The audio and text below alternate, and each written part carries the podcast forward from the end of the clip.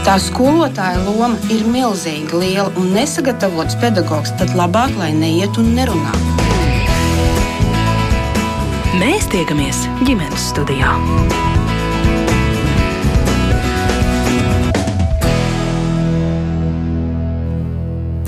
Labdien, redzījums ģimenes studija sāk savu skanējumu. Jūs sveicināt tā producenta Liena Vimba, mans vārds ir Agnes Linka. Nu, Gan arī ik viens, kam ir mazi bērni, rudenī un ziemā saskaras ar viņu biežāku slimošanu, biežāk tās riesnas vai kakla sāpes un kāds klepus. Cik bieža slimošana ir bieža un pie kādiem nosacījumiem kā risinājums tiek ieteikta mandeļu operācija? Kādas ir jaunākās atziņas par dažādo mandeļu nozīmi cilvēka organismā? Par to visu šodien ģimenes studijā un sarunas dalībnieka būs Bērnu Kliniskās Universitātes slimnīcas otolaringologs Kristaps Dāmbergs. Labdien! Labdien! Arī Bērnu Kliniskās Universitātes slimnīcas pediatra Sanita Mitenberga šodien kopā ar mums ģimenes studijā. Sveicināti! Labdien!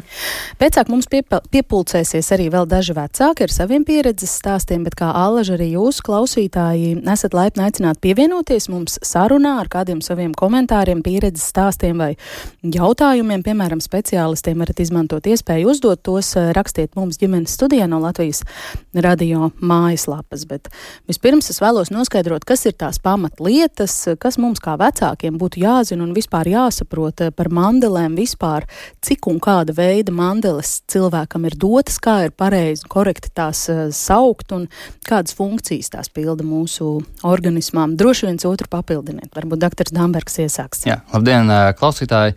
Tātad es kā otoginolaringologs izstāstīšu nedaudz par mandelēm. Tātad mums ir augstlēja mandels, tās ir pāri mandels, ko mēs redzam atverot muti. Tās ir visbiežāk zināmās mandels, ko mēs uztveram kā vārdu mandels. Ja?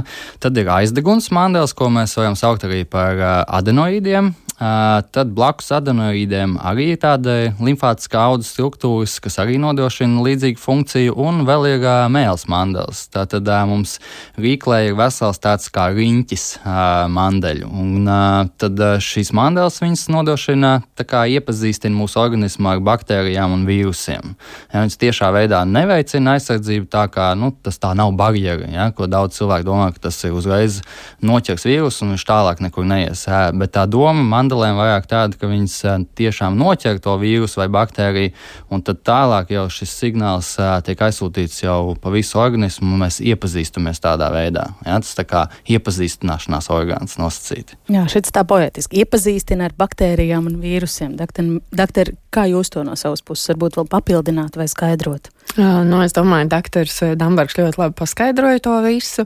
Savukārt, kā pirmais, ko mēs skatāmies un ko vecāki pamantīja no pediatrijas viedokļa, pirmais skatās, kas kaklā vai sāp vai nesāp. Un, protams, redz šīs kakla mandeles, vai viņas ir palielināts, vai viņas ir aplikumi vai sērkanas, teiksim, tad jau es arī kā pediatrs sākuma daļā vienmēr izvērtēju, ja ir sūdzības par kādām no kakla sāpēm, tad tas arī ir viens no pirmajiem, ko es arī apskatu vienmēr katrā reizē.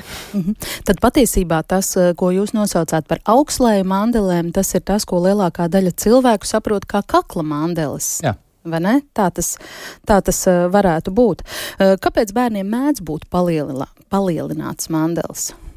Ļoti dažādi iemesli. Tātad viens no iemesliem var būt bieža slimošana, kādēļ paaugst, palielinās izmērs. Otrs iemesls var būt ģenētisks, tas vienkārši tā ir. Tad ir dažādas saslimšanas, kas to veicina, teiksim, bakteriālas infekcijas, kā, nu, kā angīna, ko mēs saprotam, tādas tā streptokoka izraisīta angīna, un arī Epsteina-Barga vīrusa, viens no vīrusiem, kas izteikti palielina mandels. Bet tas būtībā ļoti multifaktoriāls iemesls. Nav tāds viens, ko mēs varam pateikt. Tas arī bieži uzdod vecāku šo jautājumu. Jā, jo mandelas tās var būt palielinātas visu laiku, vai arī ļoti bieži. Jā. Kaut kādām slimību epizodēm. Viņas var būt arī, teiksim, tik tiešām palielināts ilgstoši, bet, ja nav sūdzības, tas nenozīmē, ka viņas traucē.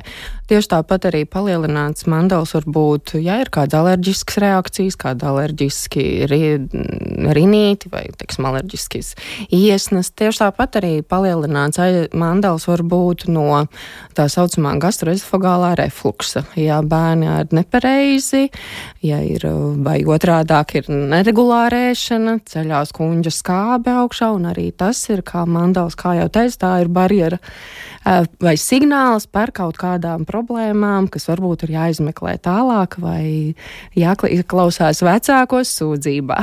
Mm -hmm. uh bieži vien eh, par mandelēm runājot, dzird, nu, ka tas ir kaut kāds imunitātes garants vai kaut kāds, um, es nezinu, lakmus papīrīts, kas kaut ko signalizē par cilvēka imunitāti. Nu, šajā gadījumā mūsu sarunas kontekstā par bērnu imunitāti, vai tam var kaut kādā mērā piekrist? Noteikti, ka var piekrist kaut kādā mērā, bet tas nav, nebūs noteikti vienīgais. Nu, kaut kāds rādītājs. Ja? Tā imunitāte mēs jau skatāmies ļoti daudzos faktoros. Ja? To nodrošina gan imūnā sistēma, tur hormonālai rādītāji un tā tālāk. Tā tālāk ja? Tas ir ļoti sarežģīts, sarežģīts temats. Bet mandēls, protams, kaut kādā mērā mēs varam to arī uz šo pusi, bet tas noteikti nebūs vienīgais. Ja? Tad, tad mēs nemeklējam imūndeficītu, ja cilvēks ik pa laikam saslimst ar mandeļu slimībām. Ja? Mm. Palielināts mandelis demonstrē kaut ko par imūnu sistēmu, vai tas ir kaut kāds eh, kā sarks vai kaut kas, kā, kā to varētu skaidrot? Es teiktu, ka nē. Tā viennozīmīgi nē. Kā jau dr. Dambergs teica, tur ir vairākas sistēmas. Jo ļoti bieži vecāki domā, ja slimo nu, tur desmit reizes gadā ar iesnām, un, protams, arī līdz ar to ir palielināts nedaudz kakla mandels, un arī ir kakla līmfmazgla nedaudz palielināta, kas ir pilnīgi normāla reakcija, jo tieši tāpat kā sirdī jābūt, aknām jābūt arī līmfmazgliem un, un mandelēm ir mums normāls, teiksim, orgāni, kas atbild uz kaut kādu saslimšanu. Un, protams, ka to, ka 11 reizes gadā slimo ar iesnām, tas nenozīmē, ka imunitāte ir novājināta. Par imūndeficītiem sauc daudz smagākas saslimšanas, un, un to, ka slimo ar vienkāršām iesnām, tas ir normāla parādība. Un tas tieši otrādi mazus bērnus stiprina imunitāti. Mm. Pediatrija, man liekas, ir tāda joma, nu, tas ir tāds subjektīvs uh, vērtējums, kas tiek īpaši aktīvi pētīt arī zinātniski dažādos pētījumos. Un, uh, man šeit strādājot jau 11 gadu šajā radījumā, šķiet, ka arī tā elastīgi diezgan tiek mainīti kaut, kādi, mm, kaut kādas vadlīnijas, viedokļi, nu, atbilstoši jauniem pētījumiem un uh, kādiem secinājumiem, kas to ceļā tiek izdarīti. Kāda šajā jautājumā tieši par to mandeļu?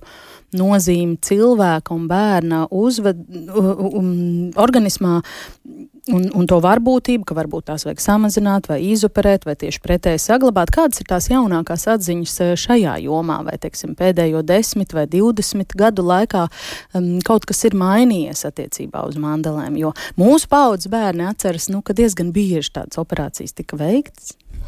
Protams, es neteiktu, ka ir ļoti, ļoti daudz jaunas informācijas šobrīd, bet Protams, tā galvenā atziņa ir tāda, mēs, ja viss ir kārtībā, mēs noteikti negribam neko aiztikt. Jā, mēs nevēlamies operēt, jo viss, kas ir organismā, ir vajadzīgs. Jā, tas nodrošina šo imūno funkciju jā, cilvēkam. Tas, protams, nenozīmē, ja mēs izoperējam mandēlus, nenozīmē, ka tā imūnā funkcija nenotiks. Jā. Mums ir pietiekami daudz limfātiskie orgāni, rīkli saglabāti, lai tā imunitāte attīstītos tieši tādā pašā veidā, un tas arī ir pierādīts daudzos pētījumos. Jā. Tad, tad tā doma jau nav gadiem mainījusies, vai būtu liela. Varbūt mēs tiešām daudz vairāk pievēršam uzmanību, kuros gadījumos veikt šīs operācijas, kuros neveikt, bet nu, tāda imūnsistēmas loma, es domāju, tā ir saglabājusies jau, nu, jau gadu desmitiem ir zināma, un nekas ļoti daudz nav mainījies tādā ziņā. Mm. Kā jūs, doktor, teiktu, kādi jūsu vērojumi varbūt vai e, šodien e, kaut kādas mandeļu operācijas iesaka biežāk vai retāk, kā teiksim, pirms 20 mm. vai 30 gadiem? Nu, pēc savas prakses redzu daudz retāk. Uh, tiešām, un, un es uh, noteikti uzticos otolaringologiem, kur ir ļoti liela speciālisti, bet, protams, vecāki, ja ir ieteikti šī operācija, uztraucās, kur un kā. Un tad doktors Vanbergs man noteikti papildinās, bet uh, tagad šīs jaunās lietas ir, ko saka, kad ir svarīgi operēt, varbūt jūs, doktori, izstāstāt, jo ir tāds četrs, tad, kad es jau tagad arī eju kādreiz ar uh, otolaringologiem sēžot konferencēs, mēs uh, sakam, ka pirmkārt, ja šīs uh, aizdeguma mandāls vai mandāls ir tik palielināts, kad mainu sakodienu, līdz ar to es mainās sejas vaipsti, Noteikti tur ir vairāki, teiksim, ko mēs sūtām, kā es kā pediatrs, ja es redzu, ka bērns spēlējās vai ilgstoši ar atvērtu muti. Um, un arī ir biežākas tās iesnas, tad es arī noteikti ieteikšu gan pie miofunkcionālā logopēda aiziet, gan pie um, zobhigienas zobārsta, gan arī pie otolaringologa, kurš tālāk jau izlēms, vai ir nepieciešama kāda papildus operatīvā iejaukšanās vai nē. Uh, tad, protams, cik es zinu, kad ir, ja ir vairāk kā trīs vai četras strutaini vidusavas iekaisumi, Un, doktor, pateiksim, kad ir biežāki. Jā, nu, jā, nu, kad mēs traucējam. Biežāk tādu pusgadu laikā, jā, pus, līdz uh, 5 vidusās iekais, un tad, jā. Tad... Un, kas es saprotu, kā viens novēl ir, protams, kad, ja ir šīs miega apnojas, ka šīs aizguna mandals ir tik ļoti palielinātas, kas traucē naktī elpot, un sākās šīs miega apnojas, tad arī noteikti es sūtu pie otolaringologa, kurš te tālāk arī izvērtē šo tālāko terapiju.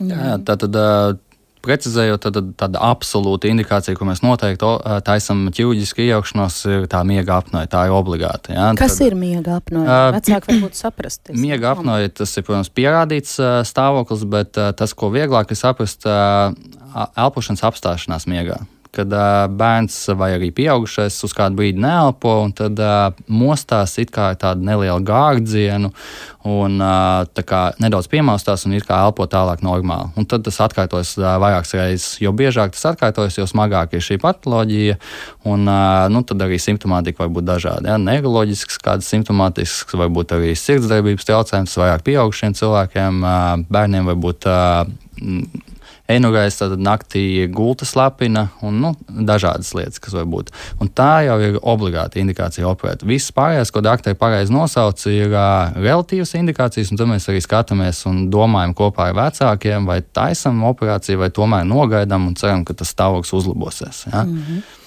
Nu jā, tad, tad tas, ko doktori jau no, nosauca, es atkārtošu varbūt vēlreiz, eh, lai vecākiem ir tāda iespēja salikt eh, punktu veidā atvērtā mute, biežās iesnas un vidusauss iekaisumu. Nu, to sakodienu izmaiņas droši vien mēs paši tā saviem bērniem nevaram novērtēt, tur jāpaļaujas uz eh, labu zobārstu vērīgu un pašiem pietiekam bieži pie tā zobārsta jāaiziet. Nu, arī, teiksim, tāpēc ir, ka nāk pie, pie pediatras konsultācijas, jau arī vēroja, teiksim, pirms mēs apskatāmies, redzam, bērns ir kaut ko spēlējās, viņi vien bieži ar atvērtu muti. Nu, Teiksim, arī tas ir svarīgi, ja bērns ilgstoši uh, ir ar atvērto muti.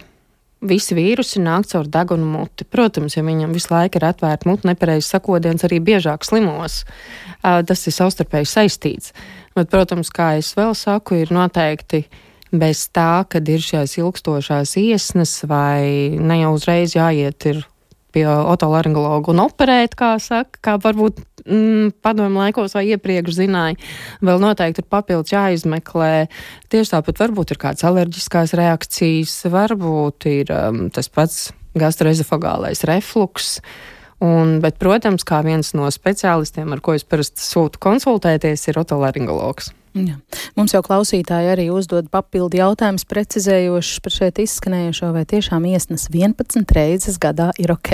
Jā, jā, mamma, jā, jā. tā. Reiz tā reizē, jā, tik tiešām 11 reizes sevišķi bērniem, kur ir uzsākuši bērndārs gaitas, 11 reizes gadā iesnas, kuras beidz pāriet bez jebkādām tur antibakteriālās terapijas, jeb līdz smagām saslimšanām ir normāla parādība, jo arī bērnam ieejot jaunā kolektīvā, aktīvā.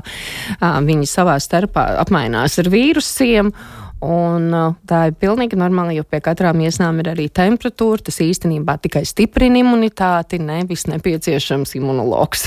Un šis, ko jūs sakāt, varētu būt attiecināms uz kādu bērnu vecumu? Vairāk tas ir tiešām bērniem, uzsākot bērnu dārza gaids līdz 4-5 gadi, jo, teiksim, tā pati imunitāte, ja bērnu organisms stiprinās līdz skolas vecumam, kādam ātrāk, kādām vēlāk, bet um, visas šīs biežās saslimšanas sākās tieši uzsākot bērndārs gaitas. Mm.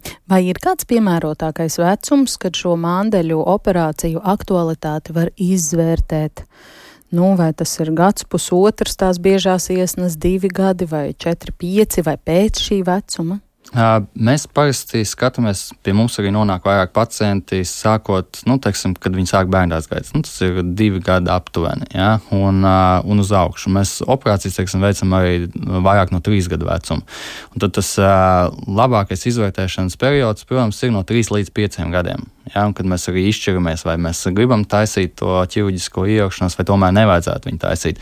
Un pirms tam mēs ļoti, ļoti, ļoti reti iesakām kaut, kādu, kaut kādas operācijas. Ja, līdz trīs gadu vecumam tas ir ārkārtīgi reti, bet līdz trīs gadu vecumam mums ir ļoti daudz pacientu. Ja, jo viņi tikko sākuši iet bērngārzā, un vecāki uztraucās par to, ka ir bieži slimošana. Un tad šis pacients tiek nosūtīts pie mums uz slimnīcu, un tad mums ir ļoti ilgi jāstāsta, ka jā, tas ir diemžēl normāli. Mhm. Un uh, ka mums nav specifiska ārstēšana iespējama, un tas ir vienkārši jāizdzīvo šis laika periods, lai cik uh, nepatīkami tas izklausītos. Ja? Un, uh, jā, un tas prasa kādreiz uh, gadu, kamēr bērns uh, tā imunitāte nostiprinās kaut cik, un tālāk jau tie simptomi ir mazāk. Un uh, lielākajai daļai tie 80 vismaz procenti, uh, varbūt pat 90, kuriem nav, nevajag nekādu specifisku ārstēšanu. Jā, es esmu dzirdējusi tos stāstus, ka a, apskata divgadnieku un saka, nu, jums adenoīdi ir palielināti, bet gai, jāgaida līdz 4-5 gadu vecumam, tad tur kaut kas izaug, pamainās. Jā. Jā, Tās ir fizioloģiskas pārmaiņas, kas jā. tiešām saistītas ar augšanu, vai tā ir tā imunitātes nostiprināšana? Nē, tā ir fizioloģiska lieta. Aizguns mandāls atrofija sākas ap 7, 8, 9 gadu vecumu kā kuram, un līdz tam, līdz tiem 7 gadiem vecumam, viņu arī nomierinājusies, tā teikt, jā, nu, daudziem bērniem. Un tad tajā lielākā vecumā viņas tā kā izzūd. Jā, tad pieaugušam cilvēkam mēs nenovērojam aizdeguns mandāls. Jā, viņas ir nosacīties, var tā teikt, uzsūkušās organismā, organisms ir veicis šo funkciju funkciju. Uh, tomēr dažiem cilvēkiem uh, šīs sūdzības saglabājas. Ja? Tad uh, medicīnā nav viss simtprocentīgi, un, uh, un arī pieaugušiem kādreiz saglabājas šīs aizdegunas mandeļu problemātika. Ja? Bet uh, lielākoties tomēr tie vismaz 90% šī problēma pazūd pat no sevis. Ja? Par ko biežāk tiek pieņemts lēmums operēt? Tās ir aizdegunes vai augslēju mandeles, kā mēs sākumā vienojāmies, kakla mandeles vai vēl tās pārējās, ko jūs pieminējāt? Mēs ļoti bieži kombinējam šīs operācijas kopā, jo tā galvenā indikācija, kā jau minēju, ir tā apgrūtinātā deguna elpošana un miega apgrūtinātā elpošana. Un, ne tikai aizdeguns mandels rada šo problēmu, bet arī ļoti bieži augstslēņa mandels, kuras ir palielināts, arī tās var radīt šo problēmu. Tad mums ir jāveic operācija abām divām mandelēm. Ja? Tad aizdeguns mandels mēs tā teikt izņemam ārā, un augstslēņa mandels visbiežāk mēs Latvijā samazinām. Tikai nevis izņemam, bet samazinām. Un ļoti, ļoti bieži mēs kombinējam šo operāciju vienā narkozes laikā. Mm -hmm. Un tās, kuras jūs pieminējāt, sākumā es pierakstīju blakus adenoīdiem un arī mēlis mandeli. Tās, tās mēs neaiztiekam pārsvarā. Ne. Tās vienkārši nerada raizes. Jā, tās nerada tik liels raizes, un viņas arī ir daudz problemātiskāk veikt ķīvisko ārstēšanu šīm lielākām komplikācijām. Mm -hmm. Kas piebilstams? Ne. Kāda klausītāja jautā, vai mandelas varētu radīt nepatīkamu aromātu bērnu mutē?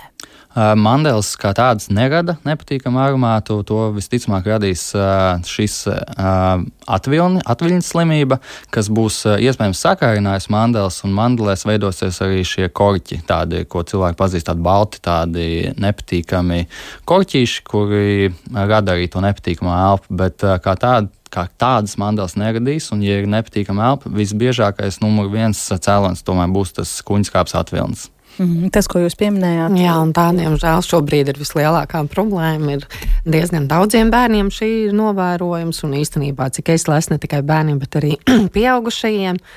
Bet tik tiešām šis atvilnis sākās jau no mazotnes, pat no 2-3 mēnešu vecuma, un augot lielākiem, tas, protams, arī atkārtojās.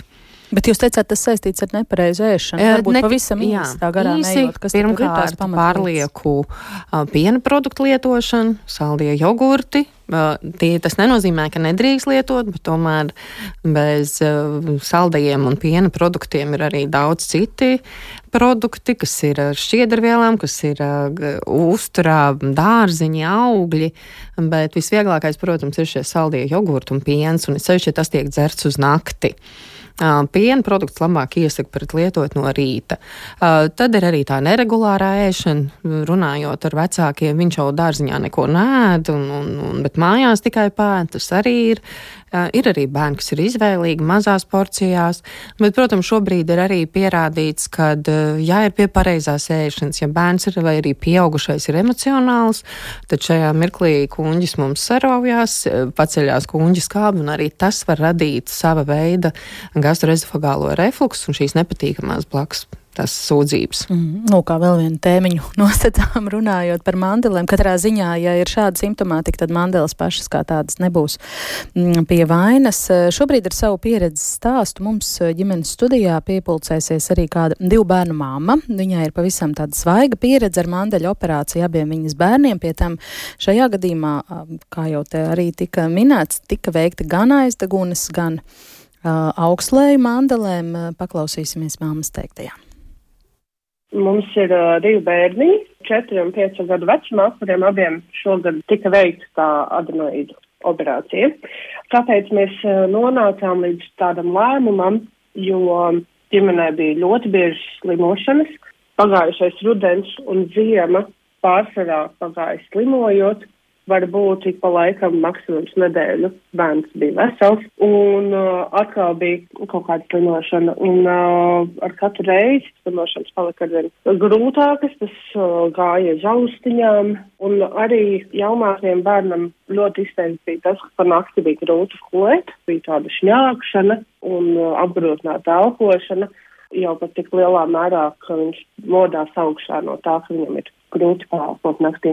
Un uh, Tad ejot no viena lora pie otra un arī sadarbībā ar mūsu ģimenes ārstu, visi kā viens ieteica, ka vajadzētu apdomāt šo operāciju. Mums tas bija kopā arī ar augstlēm mandelēm, jo abiem bērniem arī tās bija palielinātas. Tas viss komplekts diezgan stipri apgrūtināja to mūsu ikdienas dzīvi. Un uh, tas, kas vēl mūs pamudināja to darīt, bija arī manas pašas tā kā personīgā pieredze, jo man bērnībā, bet stipri lielākā vecumā gan arī bija veikta tā pati operācija, un arī man tas ļoti uzlaboja dzīves kvalitāti.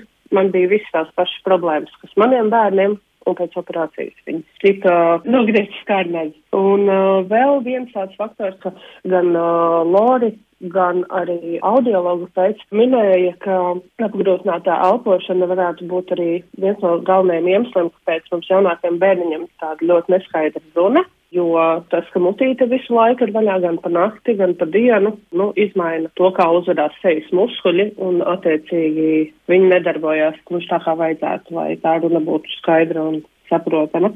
Tā mēs nonācām līdz operācijai vecākiem dēlam pavasarī, un uh, jaunākajam dēlam vasarā.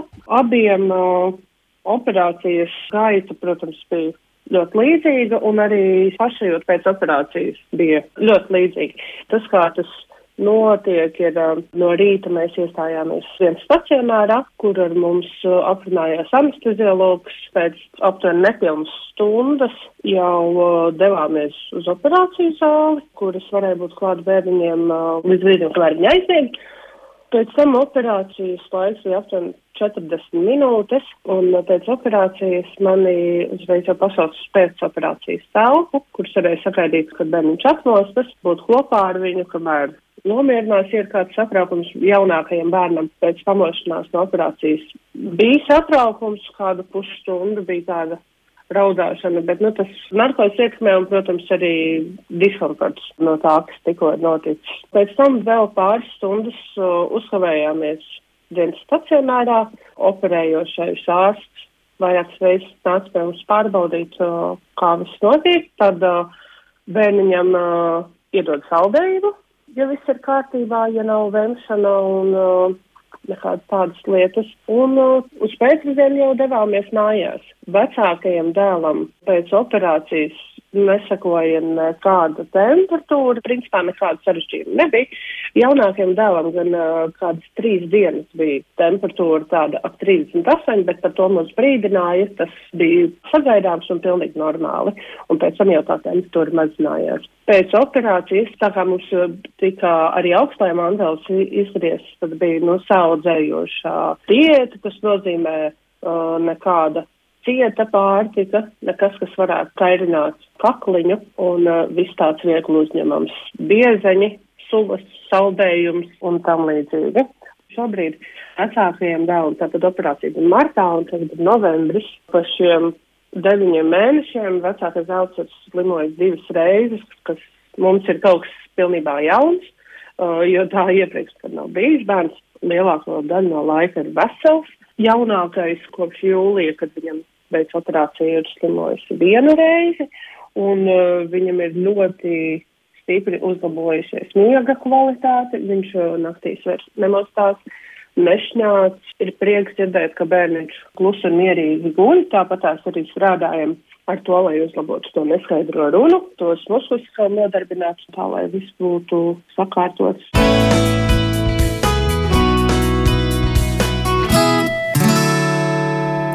Tālāk kādas eh, mammas eh, stāsts. Es uh, tikai atgādināšu, ka ģimenes studijā mēs šodien sarunājamies par mandelēm un to nozīmi bērnu veselībā. Un ģimenes studijas viesi šodien ir Bērnu Kliniskās Universitātes slimnīcas otorino lar laringologs Kristaps Dambergs un Bērnu Kliniskās Universitātes slimnīcas pediatra Sanita Mitenberga. Cik tipiska šī aina, ko mamma mm, ilustrēja ar savu stāstu? Diezgan tipiska. Nu, diezgan tipiski, jā, tie ir tas vecums, kad tām sūdzībām vajadzētu bišķiņi mazināties par saslimšanām un arī elpošanas apgrūtinājumiem iespējams, un tas nenotiek.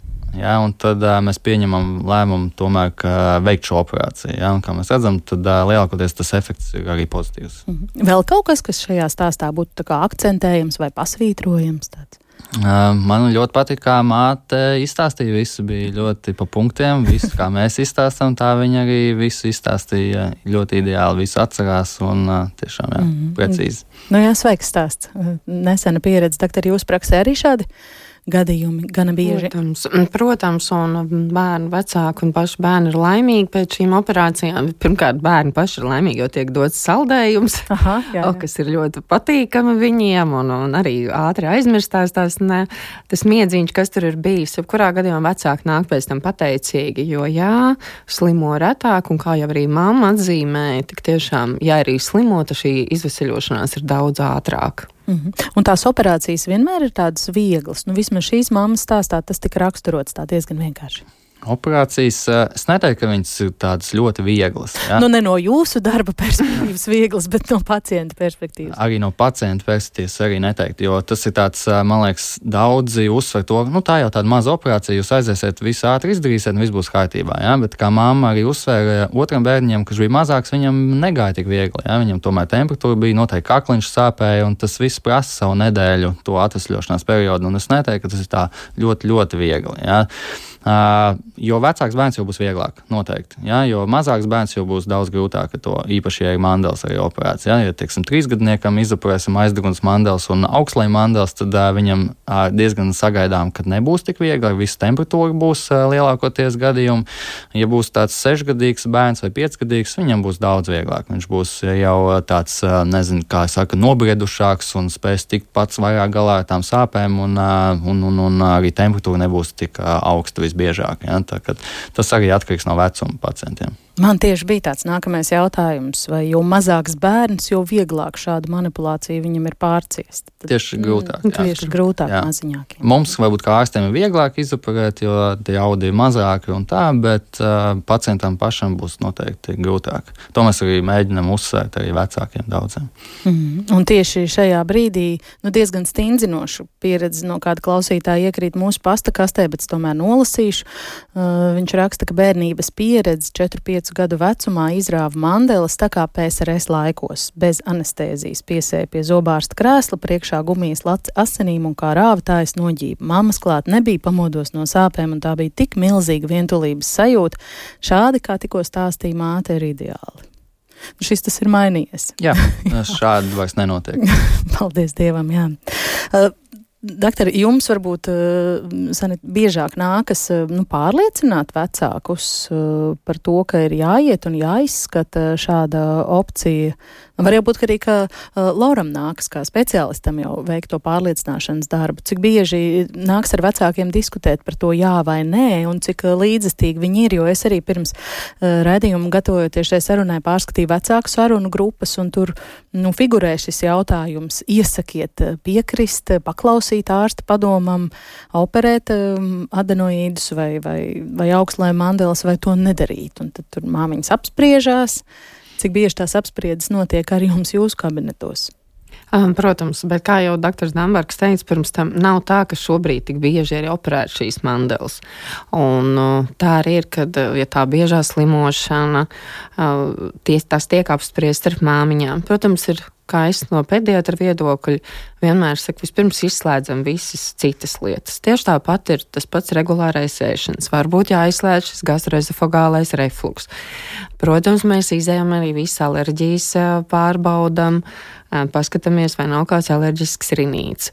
Ja arī šis ir palielināta adenoīdi, ko ir noteicis diagnoze otolaringologs, bet vēl nav nozīmēta šī operatīvā terapija, tad arī atcerēties vecākiem, ka tiem, kam bērniņiem, kuriem ir šīs palielināts aizdeguna mandels, viņiem šīs iesnas nepāries tik ātri kā citiem bērniņiem, kuriem nav.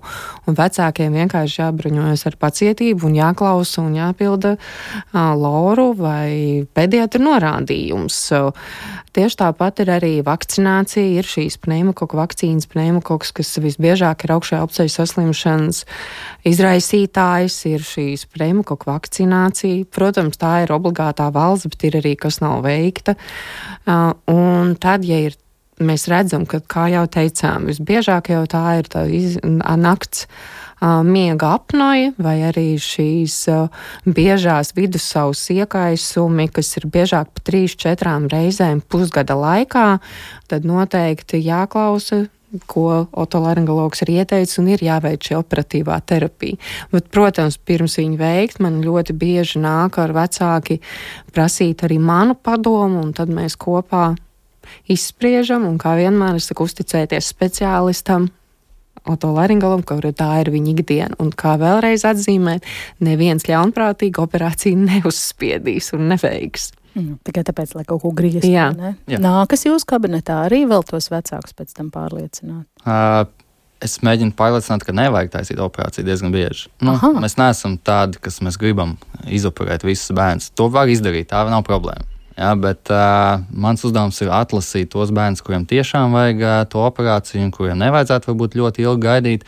Uh, un, savukārt, uh, neveikt operāciju tiem, kas varētu pagaidīt un uh, arī bez operācijas tikt galā. Vienkārši mm. ļoti bieži tas ir laiks, un uh, mēs esam nepacietīgi daudz, daudzreiz. Ja? Tad uh, mums jābruņojas pacietība, ir grūti, tas ir saprotams, bet uh, nu, tas stress, kam iet tas pacients cauri arī tajā operācijā, tas arī nav labākais, ja, ja, tas, ja bez tā var iztikt. Jā, tad varbūt arī diezgan izplatīti tādi mīti vai priekšstati sabiedrībā ir tieši tie, ka izrausim mandeles, un viss būs kā ar uh, roku atņemts visas problēmas. Nevienmēr tas tā strādā. Jā. Mm. Nevienmēr tas tā strādā. Nu, teiksim, mēs esam taisījuši savu statistiku, kas ir Bērnu Kliniskās universitātes statistika, tad uh, tas uzlabojums aptuvenais ir 80-90% pēc operācijas, kas sakrīt arī pasaules uh, rādītājiem pētījumos. Un, tie 80-90% pacienti, protams, ir ļoti apmierināti, bet saglabājas vēl tie 10-20, kuriem arī vienalga tā operācija bija nepieciešama. Vienkārši viņiem ir vēl papildus tās uh, patoloģijas, kas arī ietekmē visas šīs problēmas, un ar vienu ar tikai operāciju tās nevar atrisināt. Ja? Tā tad, uh, tā tad, nu, jā. Krista jautā, vai var būt negatīvas sekas tam, ja tomēr izoperē divgadnieka mandeles? Negatīvas sekas, es domāju, mā, uh, bērnu māte domā, varbūt imunitātes sekas. Ja? Es domāju, ka nē, tādā ziņā nē. Negatīvas sekas var būt uh, tikai tas, ka tas pēcoperācijas periods varbūt nebūs tik uh, patīkams. Ja? Tā ir tā, tā lieta. Bet, kā jau teicu, divgadīgu bērnu mēs operējam ļoti ekstrēmās situācijās. Ja, kad tiešām tas bez operācijas nevar. Ja, un tas ir tiešām smagas miega apnojas. Ja, bet uh, slimošana tā nebūs indikācija operācijai divos gados. Noteikti mm. nekādā veidā. Nu, vismaz ne bērnu klīniskā universitātes slimnīcā. Bet arī izoperējot mandelas imunitātes uh, spējas cilvēkam netiek pamazinātas. Nē, nē. Jā. Uh, vēl kāds jautājums no Dītas. Man ar dēlu bija slimošanas un pilns komplekts regulāri lora apmeklējumu. Tad lielais brālis uh, nomet viņu no dīvāna, tecēja asins no deguna, braucām uz vienības gatavi, tur nosūtīja pie lora. Degunam viss ok, bet lora sāk uzdot jautājumus par slimošanu, miegu, dzirdi un tā tālāk, ieteica operāciju. Ātri tikām un uztaisījām, bet tur bija traki pat cistas aiz mandelēm, drenāžas ausīs.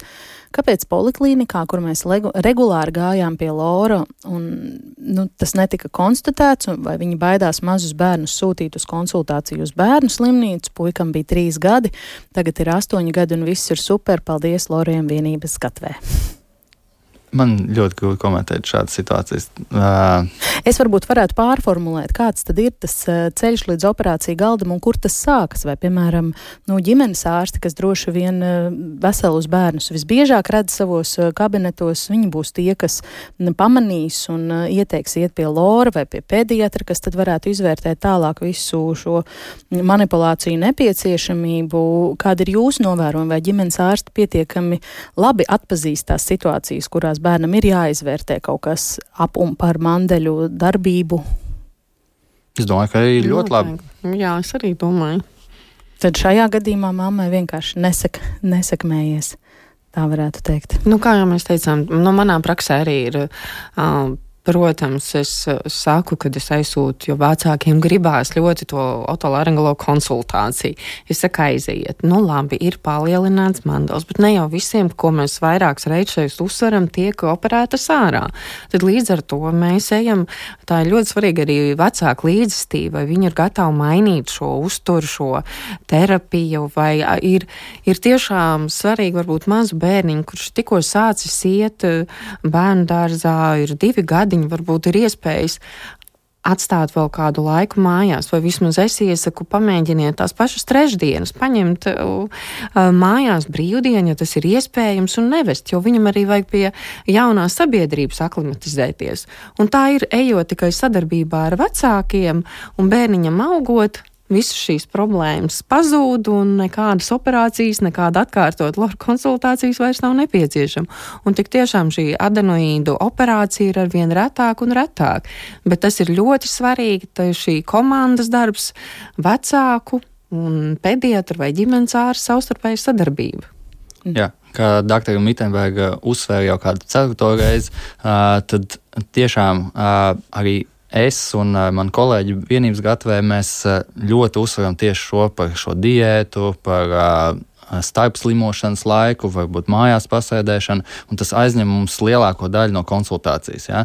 Mēs ārkārtīgi reti rakstam medikamentus, ja? tos modes medikamentus, kas šobrīd ir tie intranazālie kortikosteroīdi. Ja? Tātad, un, uh, tos mēs rakstām ar vien retāk un retāk, jo mēs to efektu ne, nevērojam. Mēs vērojam efektu vairāk ar tieši šīm lietām, ko dr. Mitenberga tieši uzsvēra, un arī to nogaidīšanu. Un Tas ir lielākā tiešām daļa paiet no konsultācijas skaidrojot šīs lietas. Nevis iedodot kādu tableti, kas noteikti nepalīdzēs vai pušamo, bet, bet tieši tas skaidrojošais darbs, lai cilvēks jūtas saprot, lai saprot šo lietu, ka tas ir normāli savā ziņā nosacīti un ka mēs varam nogaidīt un ka tas visticamāk lielāko varbūtību arī pāries. Ja?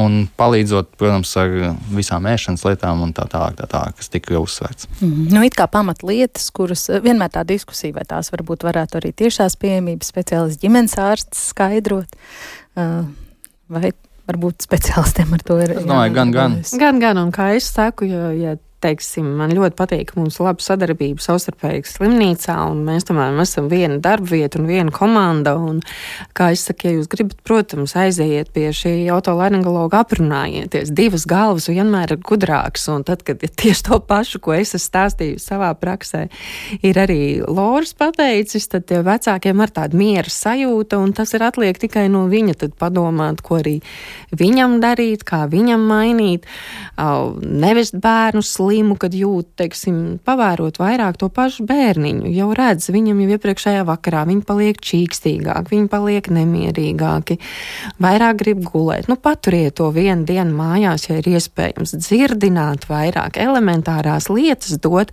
pie pirmām saslimšanām, nevis uzreiz uz kaut kādām. Vissmagākā lieta, ko es novēroju savā pēdējā praksē, ir, kad bērniņš ir slims un pie pirmām saslimšanām netiek uzņemts pietiekami daudz šķidrumu šķidrumu.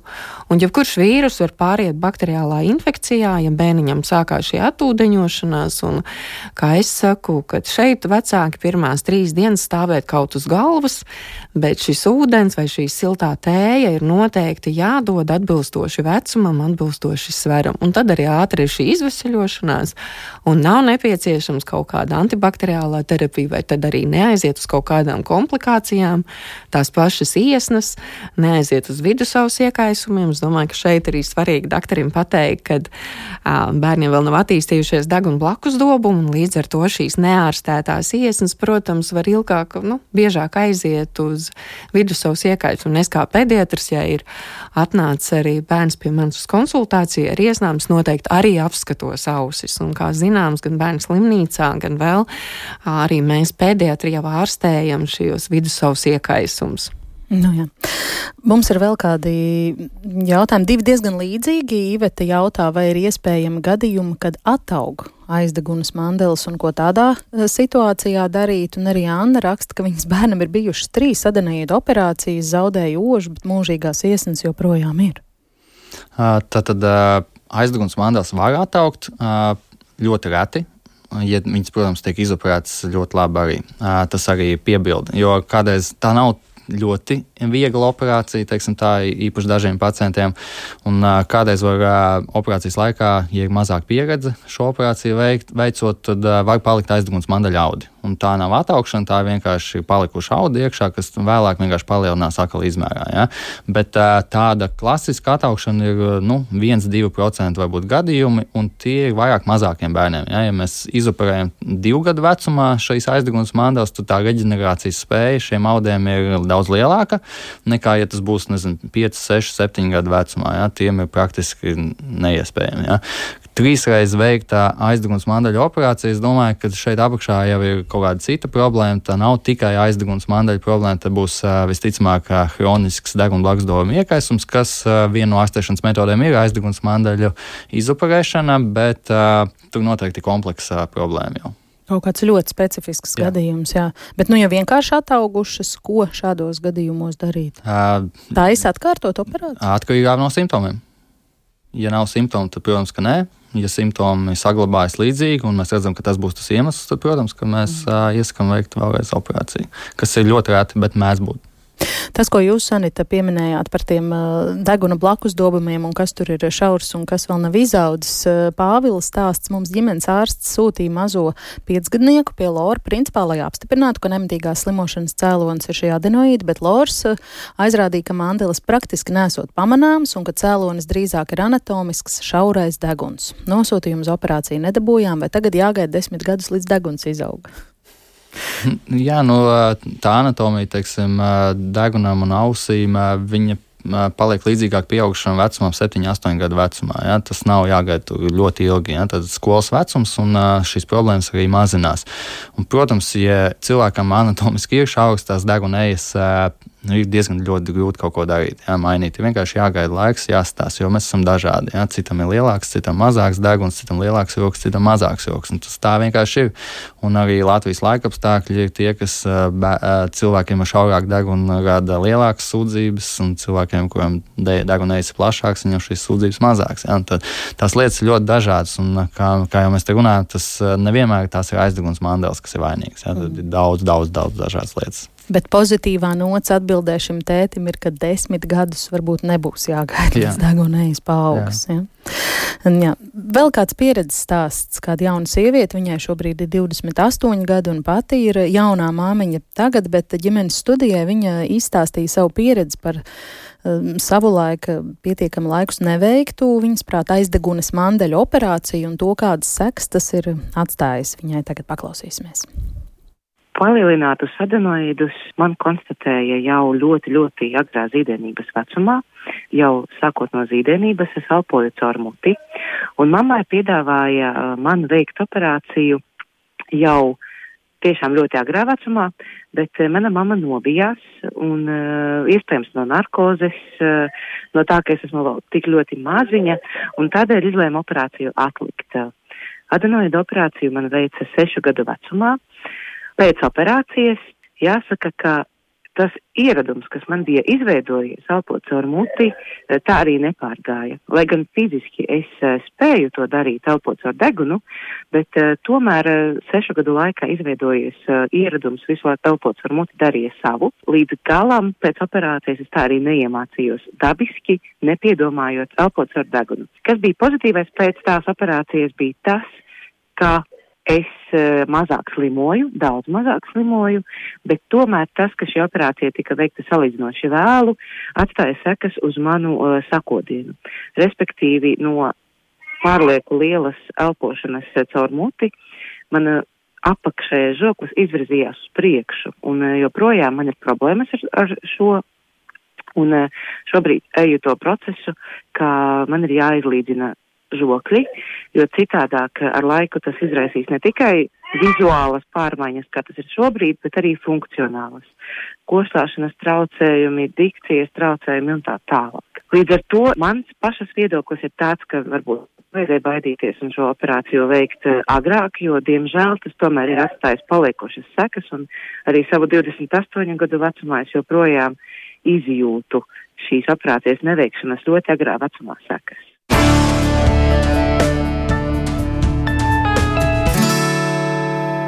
Arī šāds pieredzes eh, stāsts, vai arī gana tipisks, vai ļoti specifisks?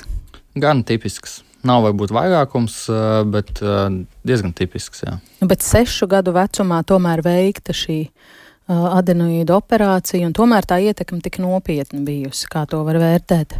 Uh, pacientai bija seši gadu vecums, kad veica operāciju. Tātad, Bet ieteica jau kā zīdainītim. Nu, tā nu, vismaz viņai ir atstāta. Zīdainītē, protams, ka nē, tādā vecumā mēs to, to neveicam šīs operācijas. Es uzskatu, ka tas bija tie laiki, tie bija 20, 28 gadi. Jā, 28 gadus atpakaļ. Uh, mūsdienās mums ir šī miofunkcionālā terapija. Ja, un, ja šis pacients būtu, nu, ja šī situācija būtu mūsdienās, kad mēs novērojam, ka pēc aizdeguns mandaļa operācijas, teiksim, 6 gadu vecumā tas pieredums ir saglabājies ar mutes elpošanu, mēs šos pacientus noteikti sūtām pie miofunkcionāla terapeita, kur tad notiek vingrinājumi, lai uzlabotu šo deguna elpošanu. Ja. Un ļoti daudziem pacientiem tas izdodas un vienkārši jāiegulda darbs, jo nav visiem pacientiem tā, ka izoperējam aizdeguns mandals un mutīte aizvērās uzreiz ciet. Tas pieredums, diemžēl, izveidojas, muskuļu atmiņa izveidojusies un ir jāstrādā šeit ar vingrinājumiem. Un 20 gadus apkārt neviens nezināja tādu uh, miofunkcionālu terapiju, tad šobrīd tas ir salīdzinoši populāri. Un, uh, mēs sūtām šos pacientus arī pie speciālistiem, un kādreiz arī izdodas bez operācijas šo problēmu atrisināt tikai miofunkcionālu terapiju. Mm. Ģimenes studijā esam arī veselu raidījumu pāris reizes jau veltījuši arī šim terapijas veidam nu, vienīgi pamatīgs darbiņš. Tas Jā. ir gan pacientam, gan vecākiem, cik es atceros. Sanita, par ko jūs varbūt domājāt klausoties sievietes teiktajā? Nu jā, es arī tieši to pašu piekrītu doktoram Tambergam, ko es arī sākumā jau teicu, ka šī pavērtā mutīte ir noteikti komandas darbs arī tālāk, kur iesaistās, kā jau es teicu, miofunkcionālais terapeits, ortodons un lors.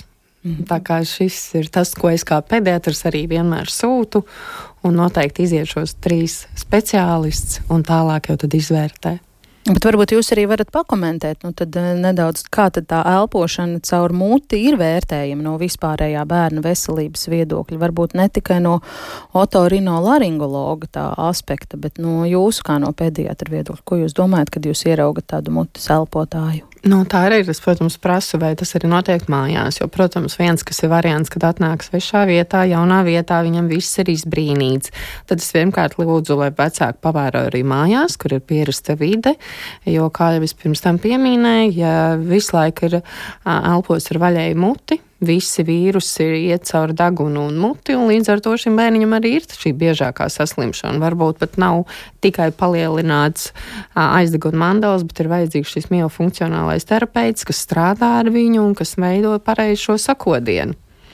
Mm. Un to var redzēt. Protams, vecāki pēc tam pievērš. Un, protams, kas vēl ir arī nakts krāpšana, elpošanas ar mutu bieži slimošana arī ir saistīts.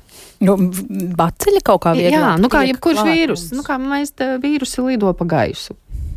Uh, mazie bērniņi biežāk liek arī vaļā netīras rokas mutē. Kāds nošķaudās bērniņam vaļā ir mute, viņš ar to vaļējo mutu ātrāk saslims. Mm -hmm.